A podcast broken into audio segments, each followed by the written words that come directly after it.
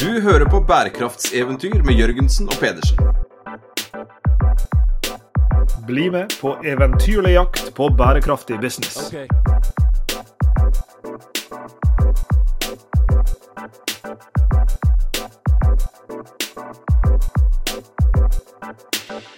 Hvordan du kom deg på jobb i dag du da, Sveinung? det vet jeg ikke om du har lyst til å, å vite. Jeg, jeg, tenker at du primært har lyst til å høre at jeg hang etter deg som et slips da du løp opp disse bratte bakkene rundt NHHR i morges da vi var ute og løp. Men den andre delen som du ikke vet, det er at det var tampen av den løpeturen når du skulle hjem og jeg skulle ned til blokka mi, så så måtte jeg så himla på do at jeg var heldig å finne en sånn ride-sykkel, så jeg heiv meg på en sånn sparkesykkel og skal parkere utafor blokka.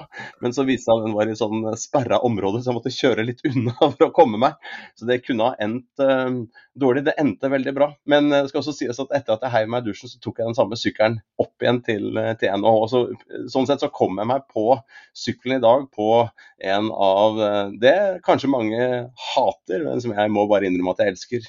Disse syklene som ligger strødd eh, overalt. Der har du meg. Takk og lov for fleksible mobilitetsløsninger. Og Det er jo nettopp mobilitet vi er for å snakke om i dag, og, og mer spesifikt bærekraftig mobilitet. Eh, og for å, for å, gjøre det, så har vi invitert eh, Johan Gjærum, som leder Ruter sitt strategi- og bærekraftsteam. Og dere to har jo tidligere jobba sammen den gangen du satt i styret, Sveinung, i Bright Products. Og Johan var CFO, men nå er altså Johan i mobilitetsbransjen. Velkommen til oss, Johan. Takk for det.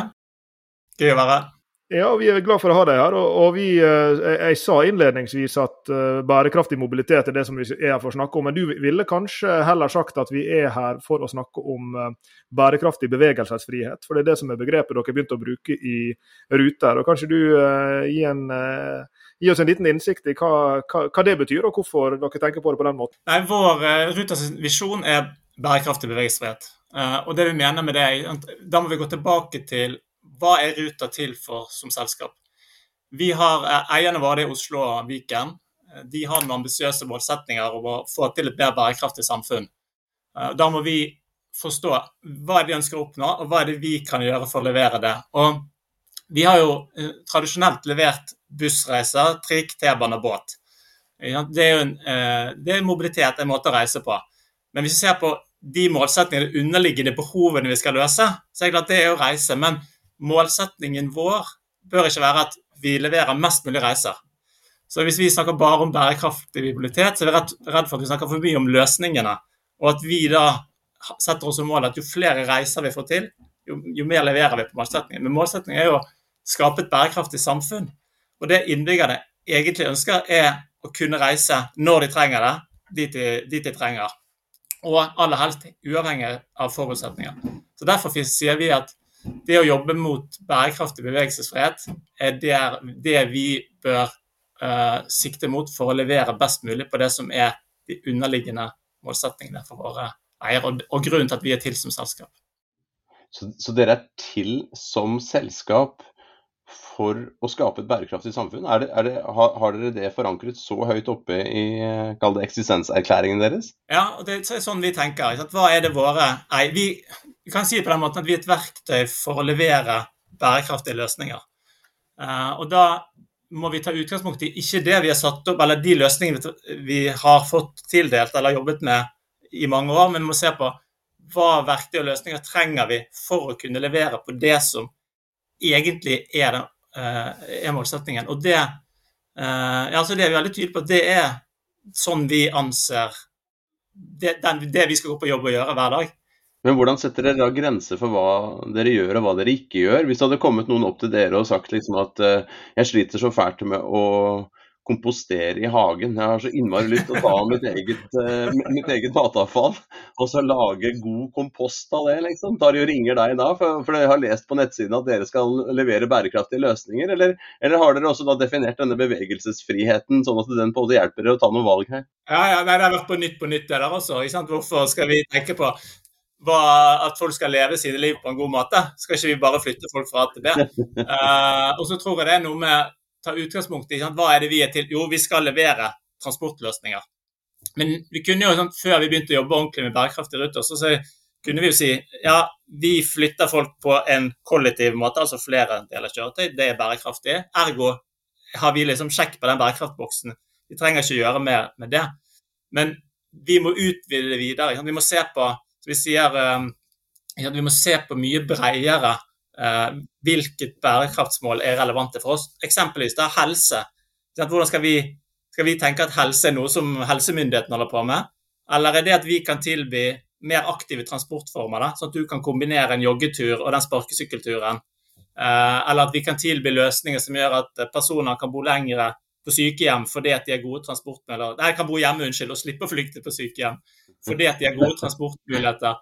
Ikke sant? Og at vi ser på ja, hele verdikjeden vår, hvordan vi jobber med menneskerettigheter. Alt dette er ting som Men det tar utgangspunkt i at vi skal transportere folk. Så ting som går på hvordan du bør kompostere, er i utgangspunktet ikke vår. Ikke sant? Dette finnes jo mange, mange verktøy for å, for å jobbe seg ut på.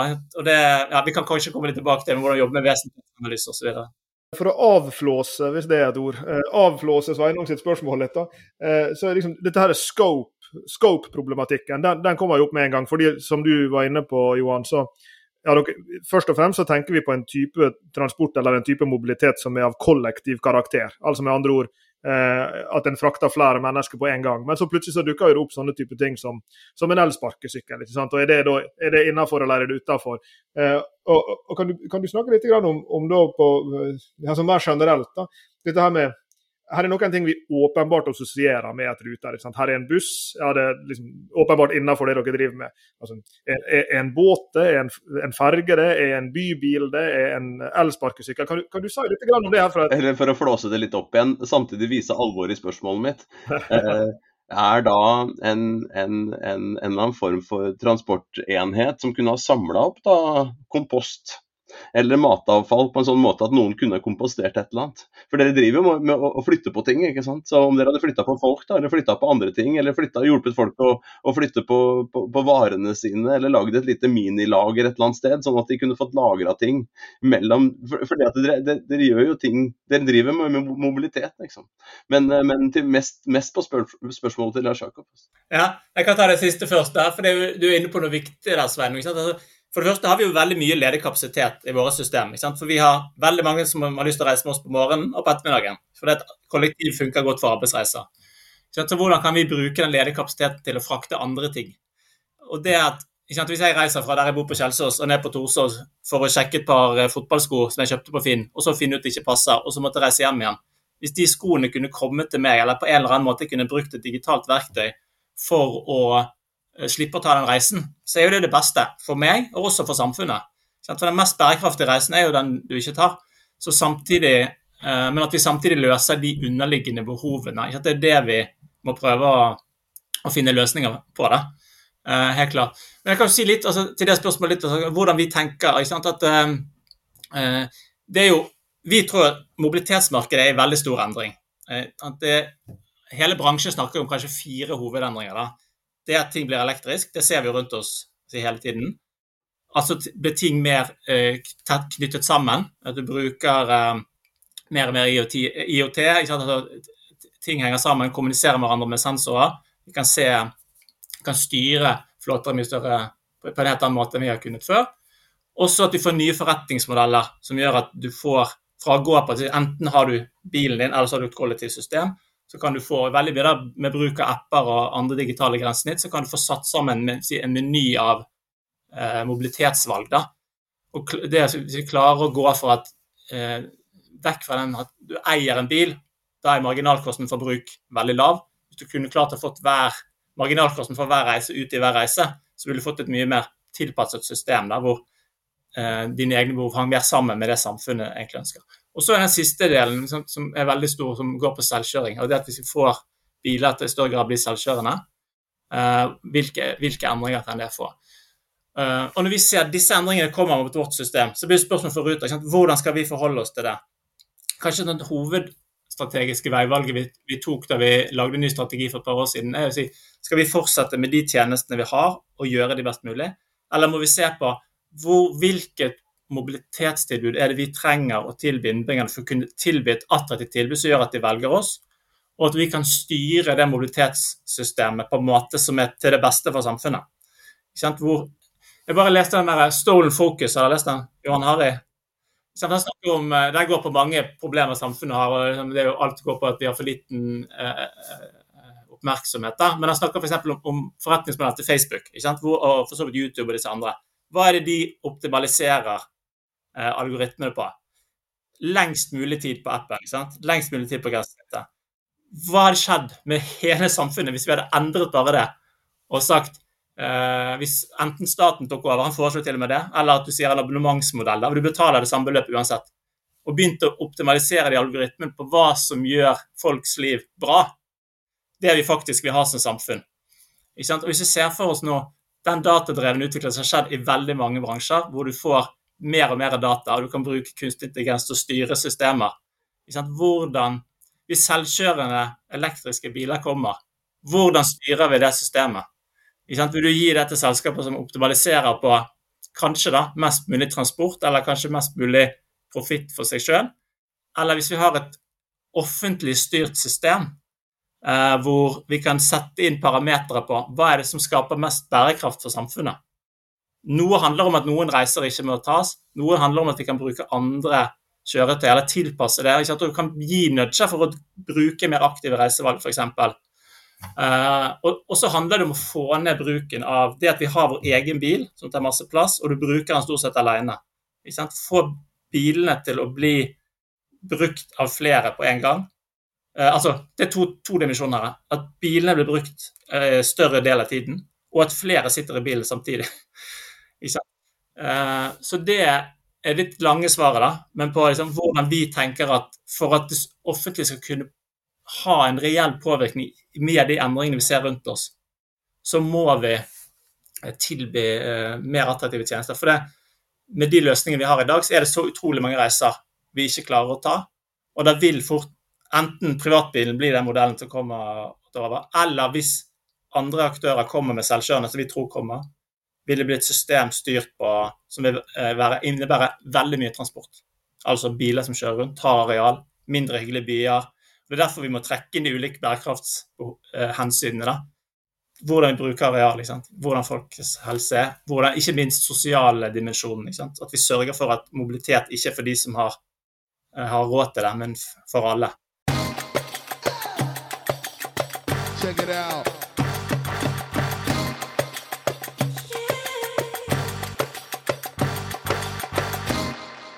Skal komme med et spørsmål som, eh, som er litt sånn fra sidelinjen, kanskje litt sånn vanskelig for deg å, å, kommentere. Så du må finne en måte å kommentere det på i så fall. For det er et sånt politisk forslag som kommer fra ett parti, MDG, nå nylig, som har kommet med en 'reis hvor du vil' for for 500 kroner. Med buss og trikk og, og all, all, type kollektivtransport, bortsett fra fly. Da eh, Noen av oss har jo god samvittighet når vi flyr kollektivt og ikke flyr privat. Jeg synes jo det er veldig sånn, Da føler jeg at jeg gjør et bidrag de gangene jeg flyr kollektivt.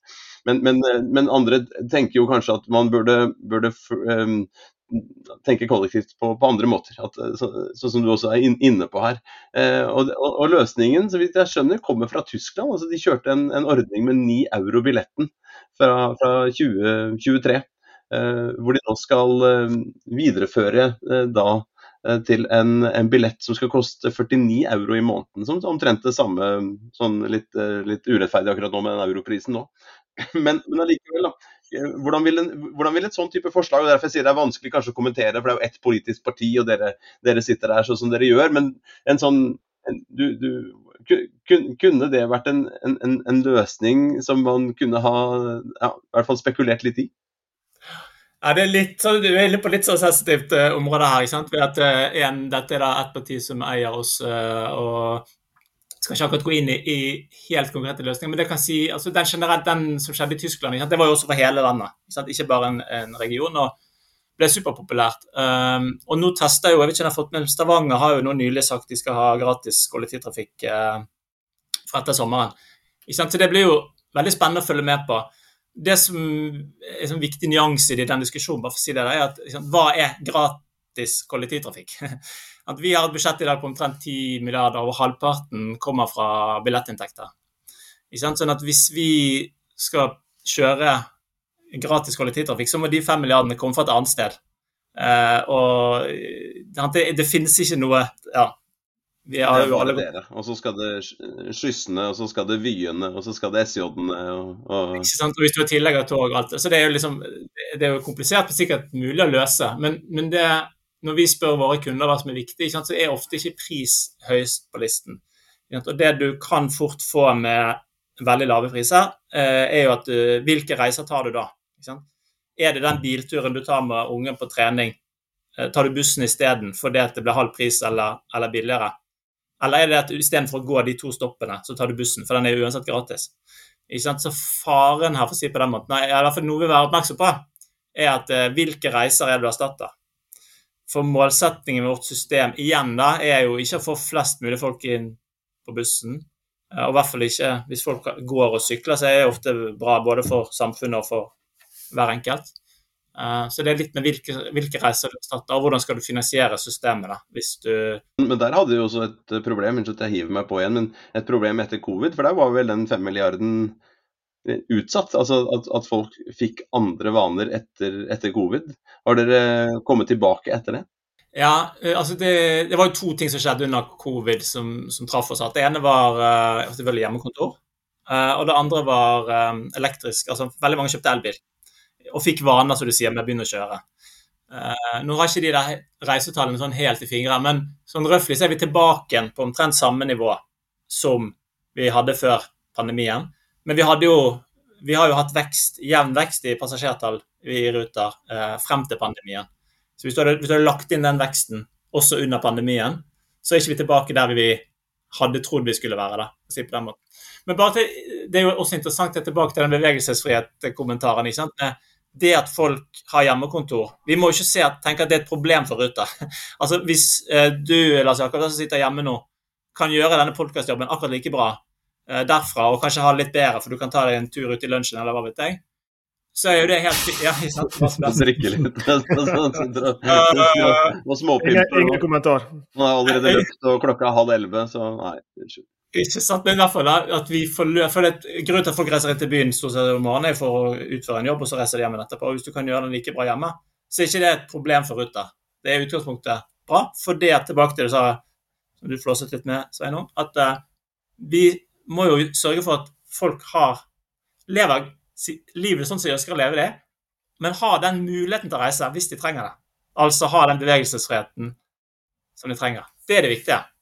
Her har jeg lyst til å dra oss eh, litt inn i, i et sånn eh, utfordring som, som, alle, eller som mange bedrifter som, som skal omfavne bærekraft eller sirkulærøkonomi på, på alvor, eh, ofte stanger borti. Og, og du som gammel CFO vil jo, eh, vil jo kjenne deg igjen i dette. her, og det er jo at Ofte så er jo og Du var inne på det nå med billettinntekter. og Ofte så er jo forretningsmodellen rigga sånn at han at han selvfølgelig favoriserer i en viss forstand business as usual. Jo, vi, vi driver business ved å, å selge bussbilletter, så jo flere som tar bussen eller, eller andre mobilitetsløsninger, eh, jo bedre er det for oss. Eh, vi har en god venn i, i avfallsbransjen som jeg tror jeg har sitert før, som, som snakker om det her med at utfordringa for, for avfallsbransjen i å skulle bli mer sirkulær, er jo at de får betalt for jo mer avfall de henter. ikke sant? Så det er egentlig bedre for dem jo mer folk kaster, fordi da får de mer penger inn. Men så skal jo de egentlig, som han sa, være en partner for å hjelpe disse i bedriftsmarkedet, da hjelpe disse bedriftene å omstille seg til egentlig å kaste mindre. Og i alle fall sortere bedre, men aller helst unngå avfall in the first place.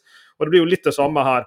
Eh, Og da blir en jo stående i en sånn utfordring, da, fordi på et vis så har dere Opptrer dere i tråd med kall det eksistenserklæringa hvis dere får folk til både å velge kollektivt når de kunne reist med pri privatbil f.eks., hvis dere hjelper dem å, å kanskje eh, ta hjemmekontor en dag hvor de kan det, fordi, fordi at ja, hva noen måtte være, da, dere lærer dem opp til å, til å eh, unngå de reisene de ikke trenger å ta. Um, og så vil det da selvfølgelig eh, samtidig bety at, at, at det er da en, en, en, mynt i kassen som, som ikke kom inn.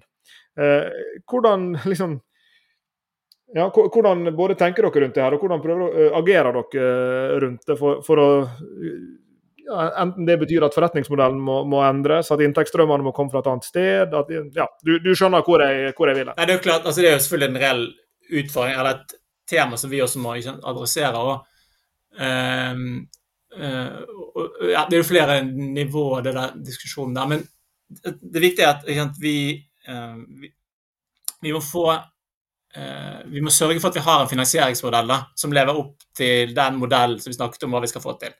Sånn at, og per i dag, og si, historisk, har det vært veldig knyttet til antall kollektivreiser. Og så må vi utforske liksom, på ett nivå liksom, hva, hvordan kan vi tenke Går det an å uh, se for oss at vår finansieringsmodell også i større grad knytter seg til de målsetningene som vi sant, igjen er satt ned for å leve opp til? det? Kunne tenke seg til en del andre budsjetter, sånn hvis helsebudsjettet bare ses isolert, og man gjør mest mulig for de pengene i helsesektoren, kunne man oppnådd veldig mye mer. Jeg gikk tilbake til det sykehjemeksempelet. da. Hvis noen av de pengene ble kanalisert fordi at vi igjen da er et verktøy til å oppnå bærekraftige løsninger som eierne ikke kan gjøre direkte. Litt sånn til, nesten sånn tilbake til, Jeg kan kanskje ikke dra for langt ned men liksom tilbake til Freedman. Det var et selskap til for å ikke det er Hvis de bare skal tjene penger og gi pengene tilbake til eierne, og så skal eierne finne en eller annen smart måte å bruke de pengene på, så har ofte eierne ikke den muligheten. ikke? Han, Alex Edmonds bruker eksempelet med, med plastikk og Apple. Jeg tror de sier sånn er det, det er kanskje mer effektivt hvis Apple sier at vi reduserer plastemballasjen på iPhonene fra og med i morgen, enn at de bruker den gamle med masse plast, som de kanskje tjente litt mer penger på, gi de pengene til eierne. Og så må eierne finne ut en måte å redusere plastproduksjonen hvis de mente det var viktig.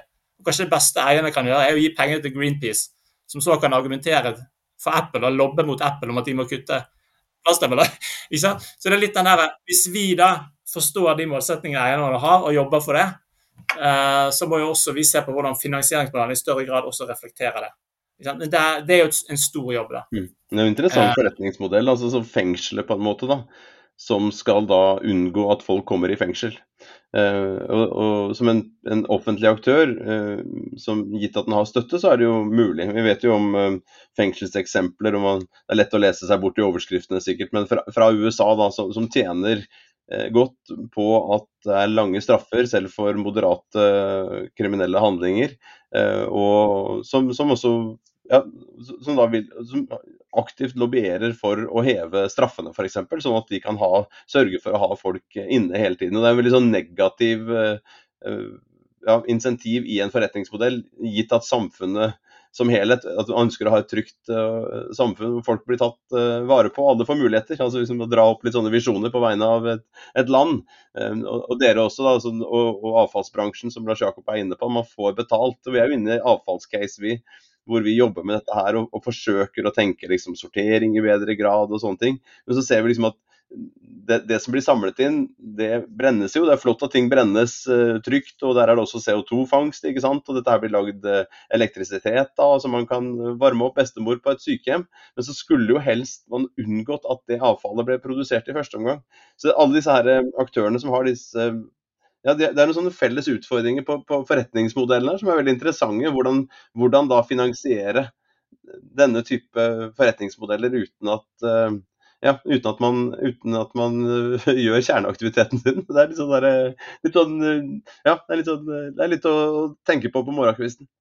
Ja, Hvis jeg kan vri dette litt sånn, hvordan er det vi tenker rundt bærekraft, så handler det jo egentlig akkurat om det at vi må, vi må Vi snakker om to spor, da. Vi må uh, sørge for at det vi gjør som selskap, er det riktige. Altså gjøre de rette tingene, er en måte å si det på. Sånn at vi eh, nettopp ikke, sørger for at de løsningene vi har, faktisk er det eh, samfunnet ønsker at vi skal jobbe med. Så for Det er jo der den virkelige bærekraftsjobben skjer, ved at vi, vi bidrar med løsninger som, samfunn, som, drar samfunnet i riktig retning. Og så samtidig må vi gjøre spor to, den aktiviteten med minst mulig avtrykk.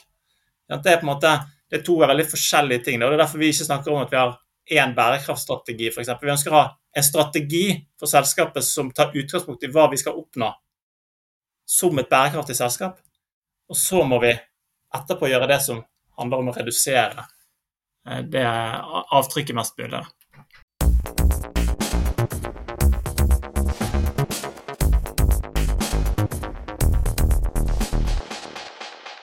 På senteret vårt, Center for Sustainable Business på NHH, så er vår tagline det at vi eh, forsker på, og for så vidt underviser i, og, og, og gjør andre ting, knytta til nå lister jeg opp her, atferdene, forretningsmodellene og teknologiene som fremmer bærekraftig business.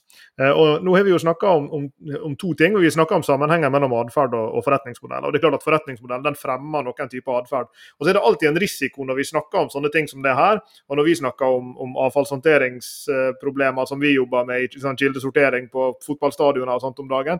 Så veldig ofte så koker det liksom ned til, til Thea eller Sverre som, som, liksom sitter på fotballstadion og skal sortere, eller som står i Oslo sentrum og skal bestemme seg hvordan de skal komme seg ut til Tonsenhagen. Eh, og, og, veldig, altså, vi, vi, eh, og Det er jo helt naturlig, vi tenker folk som tar valg, og det er også veldig viktig. Eh, men så vet jeg jo, fordi jeg har lest meg opp på, på både bærekraftstrategien og andre dokument, så, så vet jeg jo at, eh, at, dere i tillegg forfølger jo dette tredje sporet som handler om teknologi. Og, og Noe av det spennende med, med teknologi og bærekraft er jo at, at det kan være teknologier som på en måte avhjelpe litt, grann, og ikke legge alt på skuldrene til Thea eller Sverre. da. Eh, at systemer kan bli smartere, at systemer kan, kan, ta ned avtrykk. Og Da tenker jeg på sånne ting som ja, Det var mye snakk om for noen år tilbake. Jeg opplever at det kanskje ikke er fullt så mye snakk om det nå, men sånn her, vi, vi, så for oss en framtid hvor det skulle være sånn at når eh, det var fotballkamp med utsolgt uh, Ullevål stadion for norske landslaget skal spille kamp, så automatisk rutes busser om i retning Ullevål like før kampslutt. Og det, De er sikkert blitt sjølkjørende innen den tid, og, og det, det, trengs ikke å legge at det sitter en ruteplanlegger og gjør det. det ledig kapasitet blir ruta dit fordi at en vet at 15 000 mennesker eller 20 000 eller hvor mange det er, har løst billett på Ullevål. Ja? Uh, og, og, og, da vil, vil, overskuddskapasiteten i systemet kunne rutes den veien. Det vil bli mye lettere for de folka der å si at oi, en buss, jeg hopper på den. Uh, og det trenger ikke bare å være spesielle situasjoner som en, som en fotballkamp som, som, skjer en gang iblant. Det, det, kan også være helt sånn daglige ting. At vi vet at uh, uh, akkurat på det tidspunktet så er det fryktelig mange mennesker som skal fra Torshov til hvor det måtte være. Eh, så, så, derfor tilpasser systemet seg. Dette er bare et par eksempel, og, og på en måte i en viss forstand allerede litt sånn gammeldagse eksempel. Samtidig har jo ikke verden blitt sånn ennå. Kanskje du forteller litt om, om eh, kall det det teknologiske sporet som dere forfølger, for å, for å også kunne gjøre systemet smartere, og dermed også ta ned eh, av, avtrykkene til systemet? Mm. Ja, Det der er superinteressant. Og det, jeg tror det er inni kjernen av egentlig strategien vår da, med det spørsmålet der. For det, for det, første, teknologi i seg selv er ikke noe mål. Vi gjør det jo for at vi skal gi innbyggerne og kundene våre gode løsninger. Men for å kunne gjøre det, eh, og for å kunne få til det bærekraftige systemet, så trenger vi eh, å bruke teknologi og data. Ikke, ikke minst om at hvordan kan vi sørge for at vi ikke må sånn som i dag gjette alle på hvilke reiser som er. Så vet vi litt om at nå er det fotballkamp, så da vil det kanskje være folk der. Men hvis vi kunne fått bruke de digitale grensesnittene vi har da, til å forstå kundene og bruke kunstig intelligens vi allerede jobber mye med, og anvende på våre data. Ikke sant? Vi får enorme data inn fra kunder og fra kjøretøy. Ikke sant? Og hvis vi i større grad også kan koble det med andre kilder, andre typer kjøretøy, ikke sant? og hendelser som du er inne på, og hva det måtte være, værmelding. Eh, og bare for sagt det da, Å gjøre det på en sikker med personvernet selvfølgelig med fra start, bare så ikke bli arrestert på det hvilket system kan vi da få? For da er du litt tilbake til det jeg snakket om. Hvis vi har et datadrevet mobilitetstilbud, hvor hvis vi klarer å få til det vi sier i våre strategier, hvor vi kan styre på ulike parametere ut fra hva, egentlig tilbake til hva våre eiere er opptatt av, så kan du gjøre de sånne type si, optimaliseringer på en helt annen måte. Som å sørge for at når det er fotballkamp, så vil det automatisk være flere eh, turer som går derfra, fordi at vi vet at det er noe som, eh, som, det er behov for. Eller si en dag, da, sånn som dere har problemer kanskje enda mer enn oss i Oslo, med luftforurensning. Hvor eh, Med dager med høy luftforurensning så påvirkes da eh, tilbudet. For da må man f.eks. kjøre mindre.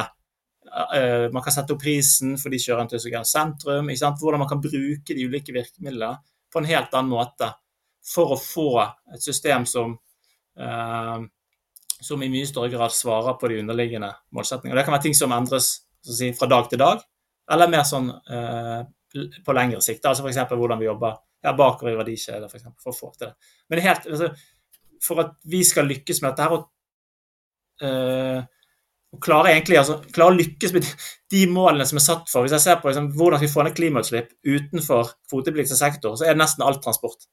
Vi klarer ikke det uten å bruke den teknologien og, og, bruke og at vi anvender data på en smart måte med kunstig intelligens. Så Det er, liksom, det, det ene jeg har lyst til å si om det med teknologi. Og det andre er jo det spennende i, som skjer innenfor selvkjørende. Hvor, vi får jo også en del kritikk på hvorfor driver Ruter med selvkjørende, hvorfor driver vi med biler i det hele tatt? Skal ikke vi være mot biler? Og det er litt sånn hvordan, hvordan vi som samfunn da eh, eh, tar, eh, tar inn over oss det at dette vil komme. Hvis vi går tilbake til en trend, hvis bilene blir elektriske, det blir det uansett, og det aller meste på selvkjøring er jo innenfor elektrisk. Dere, hvor mye bruker en, selv, en bil, en elektrisk bil på én mil? Hvor mye strøm bruker den, vet dere? Sånn cirka? To, to kilowatt-time på én mil. Én kilowatt-time sånn før vi fikk strømkrise, og nå er jo alt opp og ned. Si det var én krone, ikke sant. Så du kan kjøre en bil på marginen da, én mil for et par kroner. Og Si at du legger på litt ekstra teknologi og kraft for en selvkjørende bil, og ganger det med tre, da, bare for å ta i litt. Så har du en, et transportmiddel som kan ta deg en mil for under ti kroner. Så dette her, når, og dette er jo systemer som trenes med større og større data. Når det plutselig kommer, så kan det komme veldig fort. Det er jo ikke noe sånn lineær utvikling her. Eh, og hvordan skal vi da ta imot det? Da kan vi si at vi bare vi er mot biler, vi forholder oss ikke til dette. Uh, og så er vi da sånn, tatt motsatt tilnærming. Dette må vi aktivt følge med på, sånn at vi kan både tilby helt konkrete, bedre løsninger ved bruk av selvkjørende teknologi, men ikke minst også være en rådgiver for eierne våre og samfunnet. Hvordan kan vi sørge for at disse endringene kommer inn i vårt transportsystem på en måte som gagner innbyggerne og planeten, ikke på en måte som fører til enormt mye trafikk og at noen selskaper tjener, tjener mye på det. Så vi må jo Forklarer vi å fase dette inn i et system hvor igjen vi kan sitte og skru på algoritmene eller parameterne som gjør at det optimaliserer, så tror vi det blir veldig mye bedre. Det er jo litt som med AI at alle, eller kunstig intelligens, at alle sier vi må regulere kunstig intelligens bedre, vi må få til reguleringer. Så kan vi heller si fordi at vi har jobbet med en pilot i Groruddalen nå som ser på hvordan vi kan bruke selvkjørende kjøretøy for å løse en del mobilitetsbehov som vi ikke klarer i dag med busser og trikk og T-bane. Eh, så kan vi si dette må vi regulere for å få det til bra, og her er en helt konkret måte vi kan gjøre det på. Eh, da har vi en helt annen måte å få til en sånn diskusjon eh, og få ting til å skje raskere, tror vi, det, enn om at vi sitter og sier at det med selvkjøring det skjer et annet sted. og så tar vi det til, liksom inn hvis på et eller annet tidspunkt det blir modent for oss. Vi er med å drive den utviklingen. og, og ikke liksom, det er ikke vi som skal forske på selvkjørende teknologi, vi skal forske på hvordan kan vi få det til å funke i et transportsystem. Innimellom så plukker jeg opp uh, noen Silicon Valley-bøker. Uh, og det er liksom sånn derre uh, Nå skjer det! Nå skjer det, sier de alle sammen. ikke sant? Og så ser man jo på, på, på, på titlene, og, og, når de var gitt ut, så, så ble det jo gjerne gitt ut for noen år siden, så har det jo ennå ikke skjedd. Men nå er vi akkurat der hvor disse tingene Du nevnte der på begynnelsen, hvis jeg husker riktig, med, med L, IOT, at ting er uh, kobla sammen. Uh, disse nye forretningsmodellene hvor buss og bil det, det, det, kobles sammen på andre typer måter. Også dette med selvkjørende. Det var liksom de fire tingene jeg noterte meg fra, fra, fra begynnelsen her. Um, og, og, og, de, drar det jo videre. og Jeg skulle ønske at jeg huska forfatteren og, og tittelen nå, men, men, den gikk jo på mobilitet. da, og, og, Den begynner jo med et sånn type eksempel. og Jeg har ikke lest hele boka, for jeg, jeg, jeg falt av etter hvert. ikke sant, for, men, men sånn som du sier, det, det selvkjørende. Uh, litt sånn kontra, jeg bor på Lillehammer, det er snø. Og, jeg, bare, jeg, bare, jeg gleder meg til å se de selvkjørende bilene som skal klare å håndtere dette etter hvert. og det Bevares, det, det kan skje, men jeg, jeg, trodde nok det skulle skje for noen år siden. Jeg personlig er veldig glad for at dere jobber på, med dette her på pilot, og jeg tror det er kjempeviktig. Um, det neste spørsmålet mitt er jo knytta til den der boka. For det var visst ikke så lenge før man da hadde eh, IOT-en. Man hadde AI-en, man hadde det ene, man hadde det andre. Og så hva kom som det sjette eller sjuende eller åttende som smeltet sammen i det perfekte øyeblikket? Jo, det var dronen. ikke sant? Og da skulle man bare fraktes rundt helt sømløs med droner, var det noen fra Silicon Valley som fortalte meg. Eh, eh nå, det er ikke så veldig lenge siden jeg hørte på, på, første del der. Og når man hører på det, så virker det veldig intuitivt. Um, på den siden så kan du, som du sier, nei, det, det kan noen andre få lov til å holde på med. Uh, og vi skal ikke lære det. Uh, men hvor går grensen der? Er dere også da inn i Når, når er det Ruter begynner å, å, å, lette? Når er det jeg kan ha god samvittighet og, og fly kollektivt også i, i byene? Ja, Det er jo et godt uh, spørsmål. Jeg kan svare på to måter. Så Det første er jo ikke dette her, ja, Selvkjøring altså Elon Musk skulle vel ha en bil som gikk på tvers av USA i 20, var det 17 eller 18 eller noe sånt. ikke? Og det er veldig mange som har kommet med lovnader som har ikke nødvendigvis slått til. eh, på når det kommer. Ikke sant? Så det er vel mer det at vi tror det kommer, vi vet ikke når, men når det kommer, så kommer det fort. Ikke sant? Og elektrifiseringen her Dere har jo lest den der Serafheim eh, han Er det sånn man uttaler forresten? Ja, Som snakker om uh, purpose and profit. Hvor han var i 2016 i sånn bil, snakket med biltoppene, og de bare lo av Tesla. Det bare, dette er helt urealistisk ikke sant? å snakke om de skal klare å få til noe sånn tysk bilindustri har jobbet med i 100 år. Uh, og Ruta begynte løp med elektrifisering av bussene i 2015. Hvor det var også masse usikkerhet rundt er dette riktig teknologi, hvordan kan det slå til, kan vi få det til for så store kjøretøy osv. Så, så har vi vært tidlig ute, og så ser vi nå at vi får jo en bedre busser, og det er mye billigere å drifte, og båtene våre har jo blitt elektriske. Så det er det med å ikke nødvendigvis tenke at ok, det kom ikke 20 et eller annet som han der forfatteren din mente, men det er mange ting som tyder på at det kommer til å komme, og det kommer til å komme fort. Og skal vi da uh, tenke at uh, den risikoen overlater vi bare til samfunnet, eller bør vi faktisk uh, ta tak i det? Um, så hadde jeg tenkt å svare én ting til, men det Nei, vi, altså Jeg springer jo litt i spørsmålet mitt, så det er absolutt lov å ikke svare på, på alt. Det er vel så mye en refleksjon som et, et spørsmål. Men når man da går fra fra det man alltid har kjent, da, inn i noe ukjent. Og, og, i deres tilfelle også, skal man da inn i det ukjente bil for et kollektivselskap? Skal man inn i det ukjente selvkjørende for et kollektivselskap? Og så tok jeg dem ut på flyvetur, ikke sant? samtidig som jeg, som jeg helte litt kaldt vann i den Silicon Valley-kaffen, ikke sant? Som vi, som vi, drakk ganske mye av for noen år siden og ble mobba åpent i Jodel her på, på NHH. Det var noe som skrev liksom, uh, hørte om uh, Jørgensen og Pedersen hadde drukket litt vel mye sånn, uh, sånn Silicon Valley-tran på, på, Silicon Valleys uh, egen Møllers strand på, på morgenkvisten der. Uh, ikke sant? Og, man kan bli litt sånn oppløfta innimellom, og, og, man går på en konferanse og skal opp på scenen, og så hører du vedkommende før liksom, forteller om disse her Nå skjer disse tolv, eller nå skjer disse åtte, eller nå skjer alt eksponentielt. ikke sant? Og så, tar den ene dagen den andre, og så er det mange ting som skjer under panseret, på en måte, både i bilen min og, og, og, ellers som ikke jeg får med meg, og som sikkert har dratt oss veldig mye videre. Samtidig så, så, så føler jeg jo ikke at jeg lever så veldig annerledes enn jeg gjorde for fire år siden, da, eller, eller seks år siden. Ja, det var det, Nå ga du meg Q-et. Altså droner. ikke sant? Hvor, hvordan jobber vi med det? Vi har en egen enhet i Ruter vi kaller radikale innovasjoner, som har som jobb nettopp å se fremover.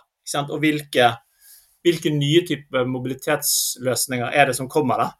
Eh, for å nettopp forstå og se hvordan kan dette føres inn. Og, og altså, Vi drev med strategiarbeid like etter jeg begynte her i 2020 eller noe sånt.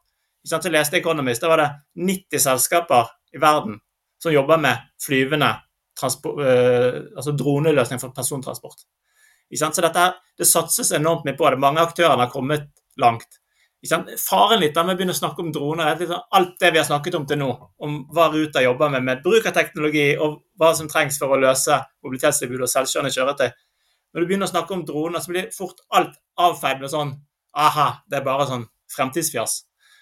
Men det der å koble det sammen, da, det tror jeg er, sånn, det er noe av nøkkelen for å lykkes med våre strategier. Nei, det er ikke sånn at vi skal slutte med buss og trikk og T-bane og frakte folk inn, spesielt de tunge T-banelinjene inn til byen, hvor enormt mange mennesker som vi frakter ved at vi kan fylle opp lange tog og sende de under bakken inn. Det er jo en fantastisk mulighet, og den skal vi selvfølgelig fortsette å tilby.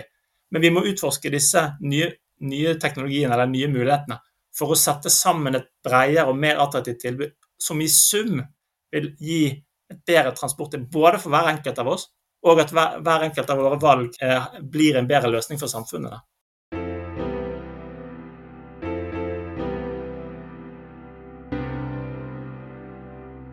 I lys av disse radikale innovasjonene, dette er jo veldig spennende, Johan. og jeg tenker at ah, Det går jo tilbake til dette her scope-spørsmålet vi var inne på i stad. Hva skal ruter drive med og, og ikke? Men, men, også dette andre spørsmålet vi var inne på. Hvor er det inntektsstrømmene skal, skal komme fra? Fordi at Dere har jo noen eh, Eh, tidløse kollektivformer. Nå blir det veldig subjektivt her, altså, men jeg eh, som, som, liten gutt var jeg veldig mye i Oslo. og Jeg elsker å ta trikken. Og fortsatt nå når jeg er i midten av 40-åra, så er det sånn jeg tar gjerne trikken fra en bydel til en annen bare for å sitte på trikken. Jeg syns det er kjempestas. Du har så god tid i livet. Jo, jo, jo, det er klart dette er livet, altså, noen, livet slik vi kjenner det. Hvis, hvis, noen voksne, hvis, noen voksne, hvis noen voksne hører på dette programmet her, hvis noen voksne hører på dette her, Så gi Lars Jakob litt mer jobb. Altså. Ja, det er gjerne. Jeg kan sitte og jobbe på trikken, men og her er baksida av mynten, men jeg avskyr med hele mitt vesen å ta bussen.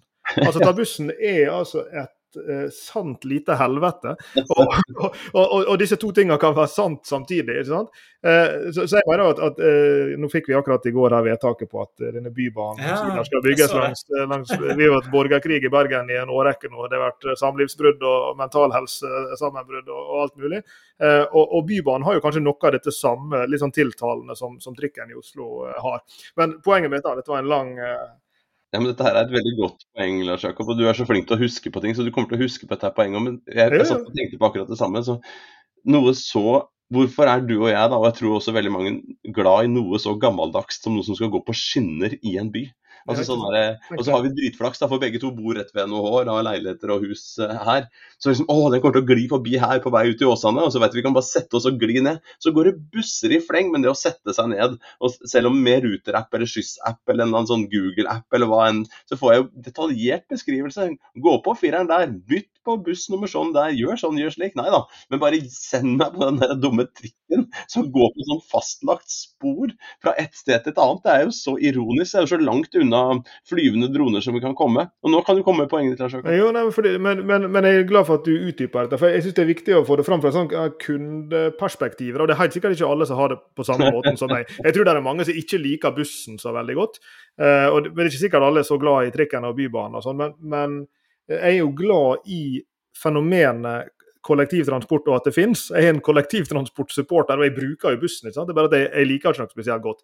Men nå begynner jeg å nærme meg poenget her. da. I disse radikale innovasjonenes land, så hvis disse selvkjørende kjøretøyene kommer, så er jo liksom den første, Førsteordenstenkninga vil jo være at ja, ok, da er det en buss uh, uten en sjåfør, eller det er en bil uten en sjåfør, som ser ut slik som de ser ut per i dag. Uh, men jeg vil jo tenke at i det øyeblikket du har et sånn type kjøretøy, så Eh, så kan jo det ha alle mulige slags andre eh, og Dette er ikke langt fra den første som er sagt høyt. Det kan være, det kan være kjørende kontor. Det kan være for den del trans, I et sånt transportfartøy så det, det kan jo ha, ha helt andre karakteristikker. Eh, hvor, hvor ruter da egentlig kan bli en tjenesteyter langs andre dimensjoner enn bare mobilitet. I alle fall på, på de lengre reisene.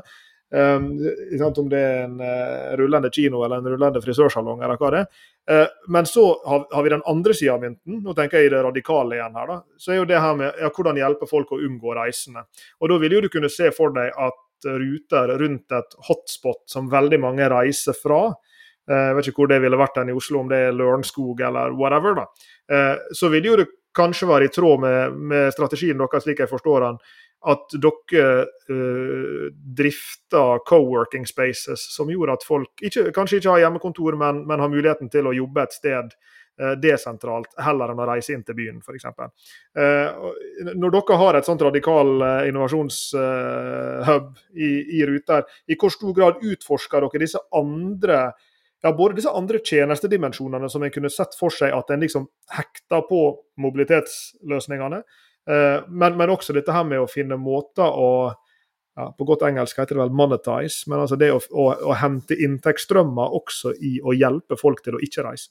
Mm. Det var et langt spørsmål, det. Det var lang, ja, veldig mye gøy å kommentere her. Uh, hvis jeg begynner på det siste, da. Altså, vi har gjort vi, vi, tenker jo akkurat sånn som du beskriver her. Og en konkret ting vi har gjort, er å samarbeide med Obos. knytte De har en sånn nærkontorordning.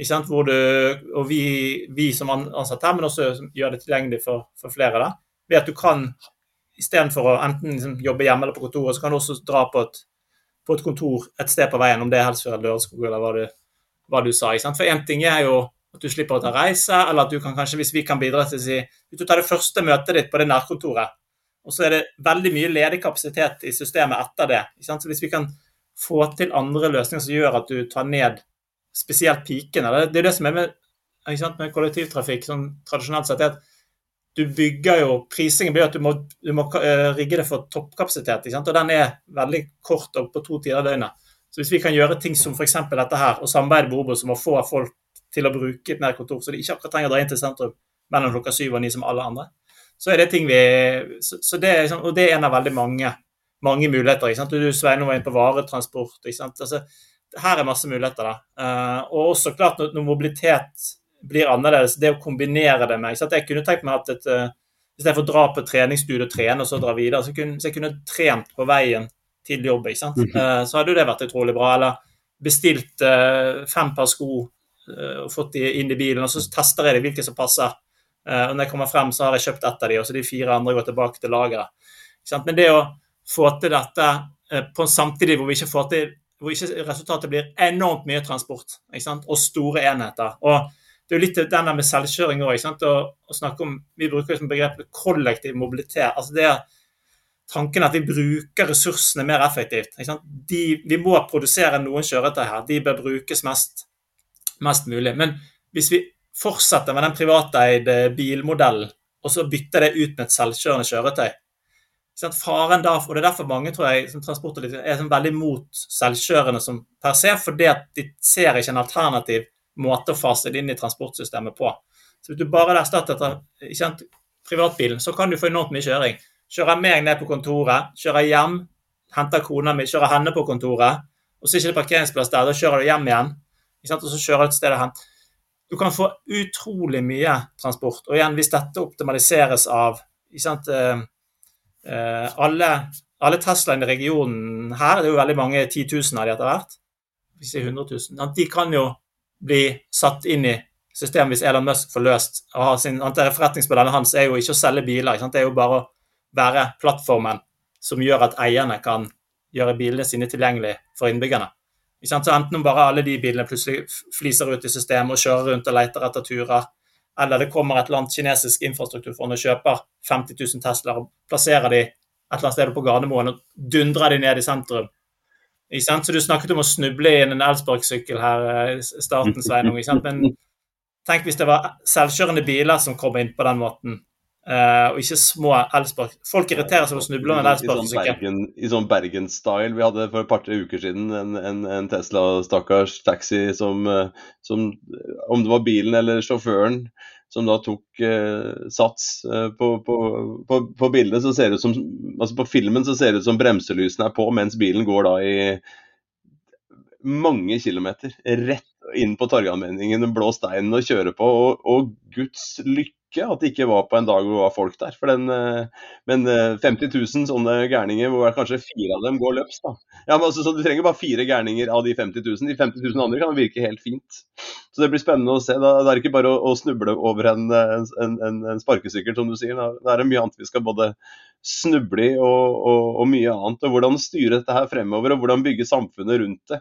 Det er jo morsomt de siste årene å, å se utenfra. Jeg bor jo ikke i Oslo selv, men, men å se litt sånn motstand og, mot å kunne parkere i egen gate, kjøre ned i byen. Skal ikke være aktiv på mange sånne Facebook-grupper før du ser eh, ja, ellers ganske fornuftige folk som, som går bananas eh, på, på, det å ta vekk noe av, av, friheten sin. Så hvordan på en måte beholde friheten og mobilitets... Eh, ja, friheten da, til, å, til, å, til, å, kunne bevege seg, samtidig som man ikke blir kjørt ned ja, på, på, et vis. Og, og, Samtidig som man får byer hvor det er godt å gå og godt å, godt å bevege seg. Eh, det blir jo spennende å se nå framover og, og, følge dere også, hvordan dere går. Eh, det er jo mange mange, mange aspekter vi ikke har fått pratet om nå, og, som gjelder deres, eh, deres bærekraftstiltak. og Det kan vi snakke videre om en annen gang, bl.a. med fare for å åpne nok en ikke can of worms, men can of smågodt. Tenke på sirkularitet Eh, rundt disse tingene som da faktisk blir kjøpt opp, og hvilken, hvilken, påvirkningskraft dere føler dere har eller ikke føler at dere har, opp mot bussene og trikkene og, og de leverandørene dere bruker for å levere transporttjenester og sånne ting. Eh, men jeg lurer rett og slett på om vi skal la det hvile til, eh, til neste gang vi setter oss i, rundt, rundt mikrofonen. Jo, da gjenstår det jo i så fall bare å si eh, Johan, tusen takk for uh, en veldig spennende prat om bærekraftig bevegelsesfrihet, uh, og for at du ga oss et innblikk i hva som skjer i Ruter, og kanskje vil komme til å skje framover. Så gleder vi oss til å, å, følge den viktige jobben dere gjør med å hjelpe folk til å uh, forflytte seg, eller ikke forflytte seg, på den mest bærekraftige måten. Tusen takk for det. Veldig gøy å være her. Du har hørt på bærekraftseventyr med Jørgensen og Pedersen. Send e-post til eventyr.krøllalfa.jorgensenpedersen.no for å stille spørsmål eller komme med forslag til tema for fremtidige episoder. Og besøk jorgensenpedersen.no for mer informasjon om denne podkastserien. Derfra kan du også fortsette samtalen med oss i sosiale medier på Twitter, Facebook, LinkedIn, YouTube og andre steder.